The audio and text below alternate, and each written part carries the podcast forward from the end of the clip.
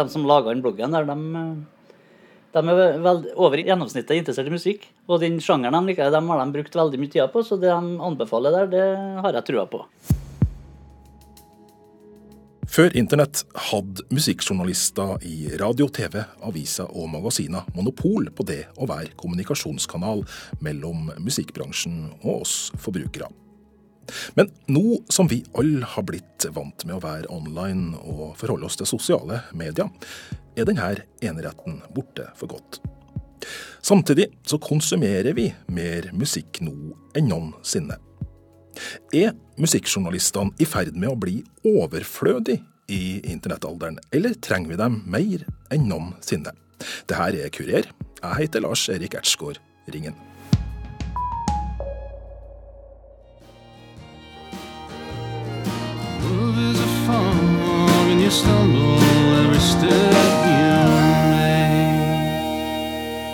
Det var kjenningsmelodien vår, 'Dust of Daylight' med Son Volt. Og i dag så er Dust of Daylight podkast nummer to for 2017 klar, og der har vi eh, Dust of Daylight er navnet på en av Norges aller største musikkblogger, som drives av en solid håndfull med musikknerder på dugnads- og hobbybasis. Dermed er de med på å oppheve det kommunikasjonsmonopolet de profesjonelle journalistene hadde før internett kom. Eh, mitt navn er da Rune Letterød. Jeg sitter som redaktør og skribent i musikkbloggen Dust of Daylight, der vi er åtte skribenter som eh, driver bloggen på dugnad. Vi prøver å drive det vi kaller for voksenopplysning, og dele litt av musikkinteressen vår og de tinga vi har funnet i eh, utlandet som får veldig lite fokus her i Norge. Entusiasmen er høy i den lille hobbyredaksjonen som står bak musikkbloggen, og kunnskapsnivået innenfor den nisjen de interesserer seg for, nemlig americanamusikk, står ikke tilbake for de som faktisk har det som jobb å skrive om musikk. Redaktøren mener at musikkbloggen har en del konkurransefortrinn i forhold til sine profesjonelle konkurrenter. Vi har jo muligheten til å gå mye mer i dybden. sant? Eh, de som sitter med det her som jobb, skal vel kanskje hente litt mer klikk enn det vi har eh, som fokus. Så vi kan eh, stupe ned og skrive en anmeldelse eller en omtale som er da på tolv av fire sider, og presentere det for våre lyttere, som da i sin tur går ut og hører på det og sjekker om vi enten har rett eller tar knakende feil. Vi lager jo mye mer stoff rundt artister. Vi lager eh, artikler på premierer, videopremierer, singelpremierer. Vi lager intervjuer, vi lager featuresaker på eh, artister som er på vei til Norge på turné, f.eks. Så vi presenterer utenlandske artister som er på turné. Vi presenterer norske artister og nye plater de skal komme med. Og, og har litt sånn mye større spekter og rent fokus på musikk, da, selvfølgelig. Rune Letterud legger ikke fingrene imellom når han blir spurt om å vurdere utviklinga hos den tradisjonelle musikkjournalistikken. Det har jo tapt seg en del de siste åra. Eh, jeg leste veldig mye anmeldelser eh, i gamle dager, for å si det sånn. Eh, og det har jo blitt et enormt fokus på klikk og kjendiser. Og de bruker jo veldig mye ressurser på å sette folk til å sitte og anmelde låt for låt på de her karaokeshowa på TV. Og det går jo kraftig utover anmeldelser og omtaler og redaksjonell omtale av artister. Du skal være temmelig kjent og ha gitt ut masse plater og ha gjerne et eller annet fokus på eh, et samlivsbrudd eller et eller annet sånt dramatisk for å i det hele tatt få omtale i en av de større avisene i Norge, virker det som. Litt senere i programmet skal vi høre hva de profesjonelle mediene svarer på påstanden om at de har blitt for opptatt av kjendiseri og det som skjer på TV. Musikalsk er dette umiskjennelig Ravi, samtidig som det er en mer tilbakelent følelse og litt lavere puls. Der han før var litt heseblesende og masete, er det her litt lavere skuldre. Det er fortsatt hiphop-beats, men han blander i større grad inn sin bakgrunn fra jazzen. Resultatet er i mine ører mer tiltalende. Jens Barland er førsteamanuensis ved NTNU på Gjøvik, og er ekspert på det som skjer i skjæringspunktet mellom journalistikken og den kommersielle og digitale utviklinga. Han tror at måten vi konsumerer musikk på, har svekka verdien til de tradisjonelle musikkanmeldelsene. Hvis vi tenker på anmeldelsene av musikk, hvilken funksjon det har og hva det hadde, så kan man si at den funksjonen det både hadde før og som det fortsatt har, det er jo at et faglig kvalifisert menneske gjør en vurdering og skriver om dette, og det er interessant å lese. Men en annen funksjon, hvis du ser på dette også som forbrukerjournalistikk I gamle dager da man kanskje brukte mye av pengene sine på å kjøpe plater og sånn, så er det greit å få litt råd om hvilke plater man burde kjøpe og ikke burde kjøpe. De rådene trenger man jo ikke lenger. fordi hvis man da allerede er kunde og, og, og betaler for en svømmetjeneste, så er det ikke noe ekstrakostnad å lytte på akkurat den musikken man vil, eller å slutte å lytte på noe uten at det sånn sett da er bortkasta penger. Vil jeg si at anmeldelser av konserter har blitt viktigere og tar større del av bildet nå? Det at konserter også er blitt viktigere stoff, det, det henger nok sammen med at uh, mengden arrangerte konserter er gått såpass opp, fordi det er der de store pengene ligger. og at uh, Når folk skal velge hva du skal bruke tid og penger til, så er det å velge å gå på konserter blitt en, ja, en viktigere del for deg, både som musikkinteressert, men kanskje også som forbruker. Og Da henger det i hop med den endringen at den, eh, den journalistikken også kan være litt viktigere for folk. Grunnen til at det har skjedd mye innenfor musikkjournalistikken de siste årene, er altså den digitale revolusjonen. Medieeksperten er ikke i tvil om at internettbruken hos folk har gitt tradisjonelle musikkjournalister nye utfordringer, samtidig som de har mista en stor særstilling som førte til at de var viktigere før i tida. Vi har gått over fra en massekommunikasjonsmodell, hvor det satt da typisk redaksjoner og kommuniserte mer eller mindre enveis til de store masser. Og hvor tilbakemeldingsfunksjonene var relativt små. Altså leserbrev, du kunne ta kontakt med en journalist, tipstelefon, liksom sånn, men det var veldig magert i forhold til at det var en enveiskommunikasjon. Og massene fikk dessuten også det samme. Med sosiale medier så er eh, den funksjonen med at eh, leserne bidrar veldig mye i kommunikasjon, så det blir en fram og tilbake-kommunikasjon. Eh, pluss at leserne sprer stoffet seg imellom, eller sprer det videre til sine digitale nettverk. Eh, det at de selv skriver på sine egne synspunkter, bidrar til debatt. Eh, under en anmeldelse kan de skrive sin egen alternative anmeldelse osv. Og, og, og I tillegg til det at alle leserne der ute ikke lenger får det samme stoffet, men de får sitt individuelle stoff basert på sine ja, det individuelle stoffet de får fra de sosiale mediene de deltar i. Hvor uh, vesentlig er kulturjournalistene i det her nye bildet, da? Nå kan jo alle slags lesere, og mange av disse leserne er dessuten svært kunnskapsrike, også ta ordet og mene, mene imot, mene alternativt, bidra på forskjellig vis. Sånn at journalistene har sånn sett fått alle leserne som sine bidragsytere side ved side. Så de fremstår jo der som profesjonelle kommunikatører som vet hva de skriver om. Men de får ikke ha noe monopol på innholdet og meningene. For der er det mange lesere som også har noe å bidra med. Jens Barland mener at de mange entusiastiske og kunnskapsrike hobbyjournalistene internett slipper fram, er med på å berike mediebildet.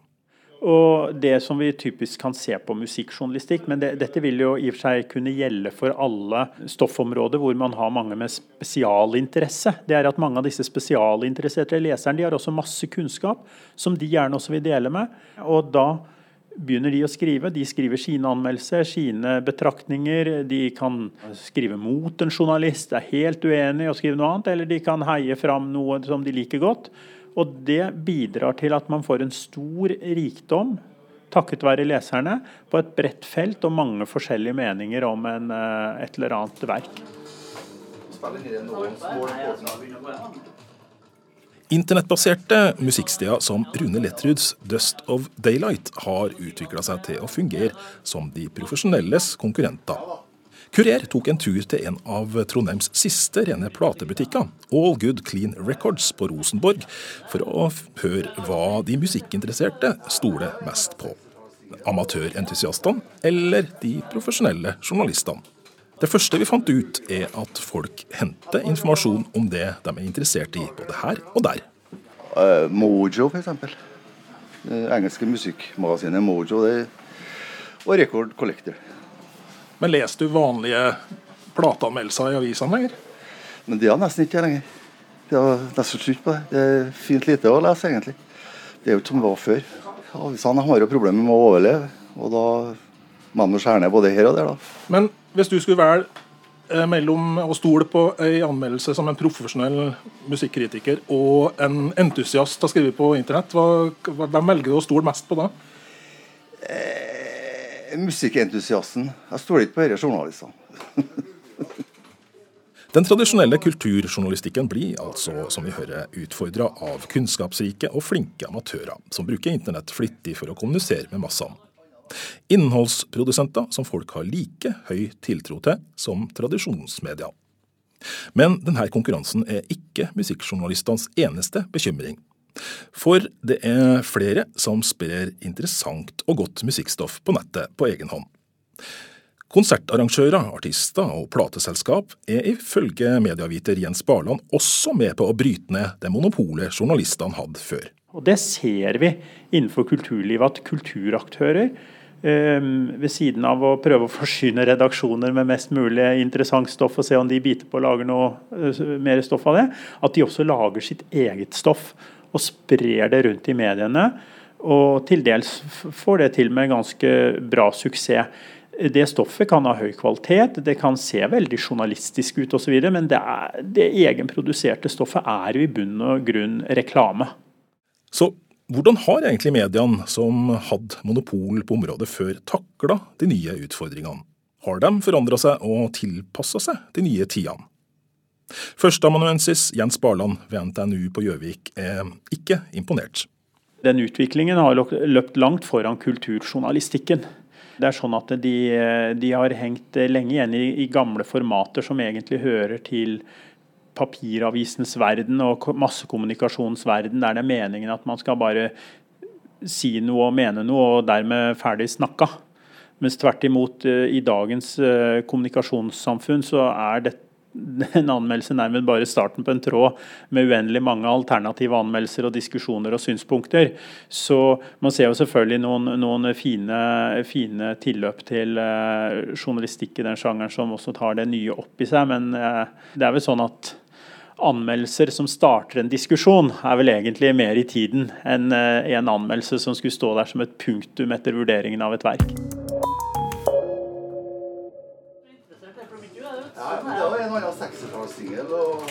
Hvor er du finner tips om ny musikken? På internett. Nesten bare der. På forskjellige nettsteder. da, På bloggere og, og store nettsteder da, som er eh, kommersielle. da. Men også for private folk som legger ut egne blogger, finner jeg mye. Innen sjangere som jeg leter opp, da, som jeg interesserer meg for. da. For da vet jeg at uh, de som lager den bloggen, der, de, eh, de er vel over gjennomsnittet interessert i musikk. Og den sjangeren de liker, de har de brukt veldig mye tid på, så det de anbefaler der, det har jeg trua på. Hvis du skal lese en uh, plateanmeldelse, da foretrekker du eller stoler du mest på en profesjonell anmelder i, i, som har lønn fra ei stor avis, eller uh, stoler du mer på en entusiast som skriver bare legger ut noe på nettet? Sannelig, jeg vet også, for at uh, jeg liker mye tiltro til en, en entusiast også, som jeg har for en profesjonell en. ja.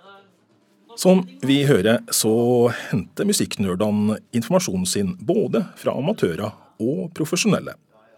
For å finne ut hva de tradisjonelle musikkjournalistene tenker om det, drar vi vestover. Over Atlanterhavet for å dra på bransjetreff.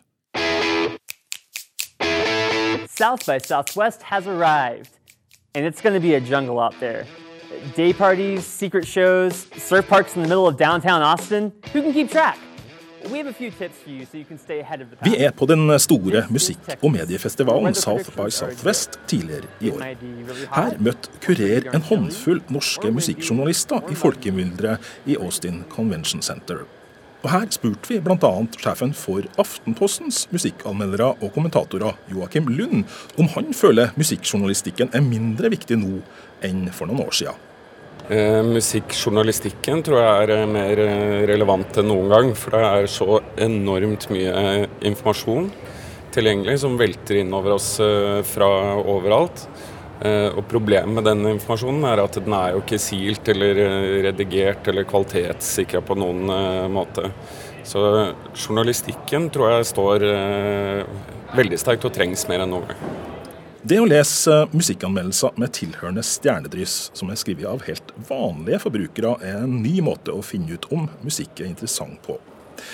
Og som vi har hørt, folk har minst like høy tiltro til disse anmeldelsene som de tradisjonelle. Joakim Lund tror likevel ikke kvaliteten er like god. Altså de, de, meningene som postes der, kommer eh, ofte fra folk som er helt, eh, helt uten kvalifikasjoner. De har, har ingen eh, referanser eller De mangler alt det som en fagperson eh, har. Så, men jeg sier ikke at det ikke går an å bruke den type eh, borgerjournalistikk, hvis vi skal si det. Men, men eh, man må ta alt med en, en stor klype salt. og huske på hvor, hvor, det kommer fra. Da. Det er ikke nøktern informasjon uh, nødvendigvis.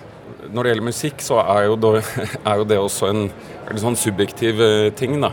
Så du kan, ikke sant, hvis, det, hvis, du finner deg en blogger som, som, du liker, så er det jo ikke noe veien for å stole på den bloggeren. Så det, der, der utfordres jo de tradisjonelle mediene av nye medier. Sjefen for Aftenpostens musikkanmeldere og kommentatorer tror ikke bare det er internettrevolusjon som har forandra journalistikken. Han peker på at økonomi nok også har vært en viktig påvirkning. Eh, grunnen til at eh, det reduseres, altså omfanget av kulturjournalistikken eh, reduseres, det er penger. Det er ikke fordi leserne ikke vil ha det. Vi merker at leserne våre er veldig interessert i hva skal jeg si, en sånn guiding i kulturlandskapet. At de har lyst til å åpne Aftenposten eller se på mobilen eller hva som helst. Og finne ut av er det, er det et kult teaterstykke jeg bør få med denne helgen her, eller er det, hvilke album er det som har kommet ut denne uka? Hvilke bøker bør jeg lese? Den typen veiledning da, fra, fra våre anmeldere er leserne veldig interessert i. Men det er klart, dette er, dette er stoff som, eh, som, er under press i alle mediene. Of, ofte stoff som ikke blir mye lest også, på de litt sånn smalere eh, kultursjangerne. Da. Så, så det, kan gå, det kan gå utover mangfoldet da, i kulturjournalistikken. Om du har vært med helt fra starten av det her kurerprogrammet, fikk du med deg at redaktøren for et av Norges største musikkblogger, Dust of Daylight, Rune Letterud, kritiserte den tradisjonelle musikkpressen for å ha blitt for opptatt av kjendis- og TV-stoff. Joakim Lund kan sjølsagt ikke svare for hele mediebransjen, men er klar på at Aftenposten iallfall prøver å være bevisst på å ikke la seg blende av for mye kjendiseri. Ja, vi, vi, prøver å være ganske strenge på det, faktisk. Og vi lager aldri en sak fordi det er en kjendis uh, involvert. Og er det en kjendis involvert uh, i en sak vi uansett ville lagd, så lager vi den selvfølgelig.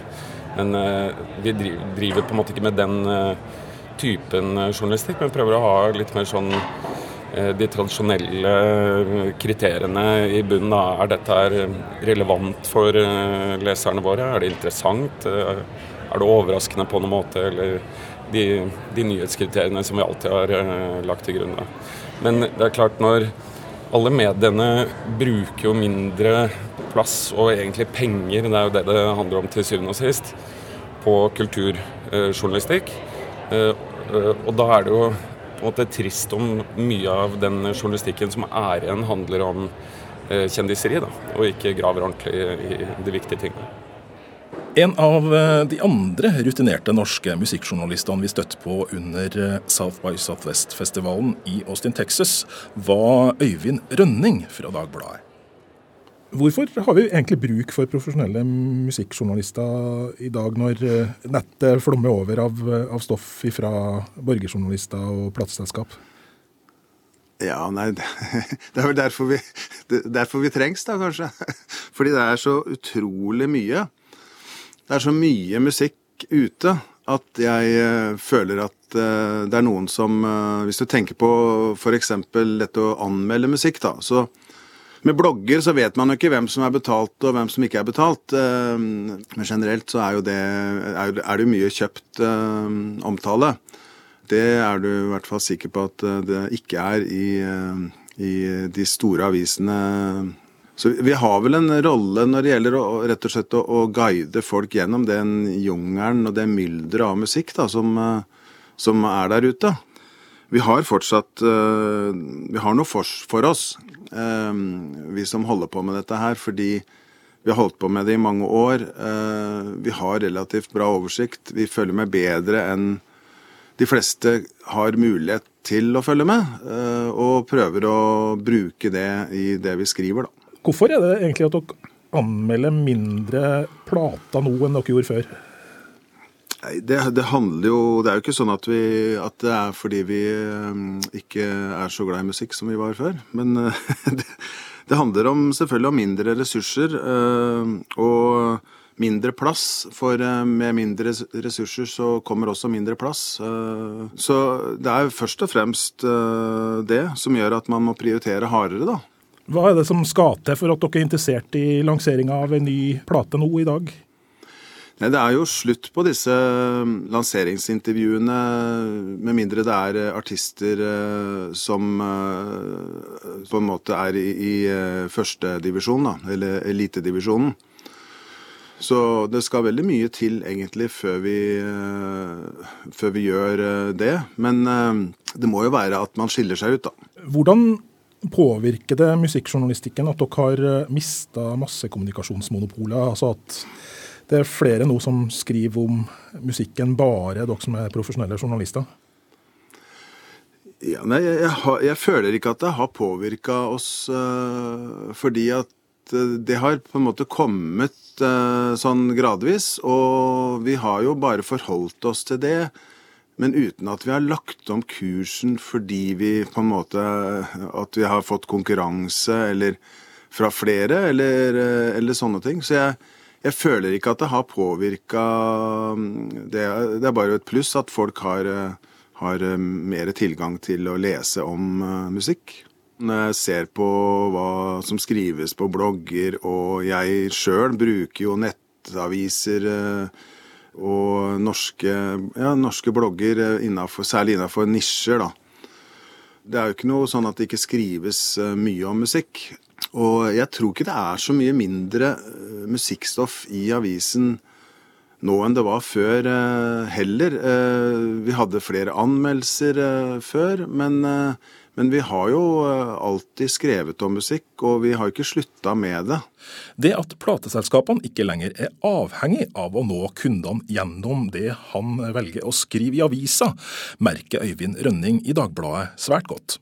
Ja, nei, Jeg merker jo veldig godt det at uh, det brukes mindre tid og penger på å lage presseskriv osv. Så, videre. så vi må jo faktisk finne ut sjøl uh, mer hva vi skal uh, Det er jo positivt, syns jeg, da, at vi, vi går sjøl inn og ser hva skal vi skrive om, hva skal vi anmelde.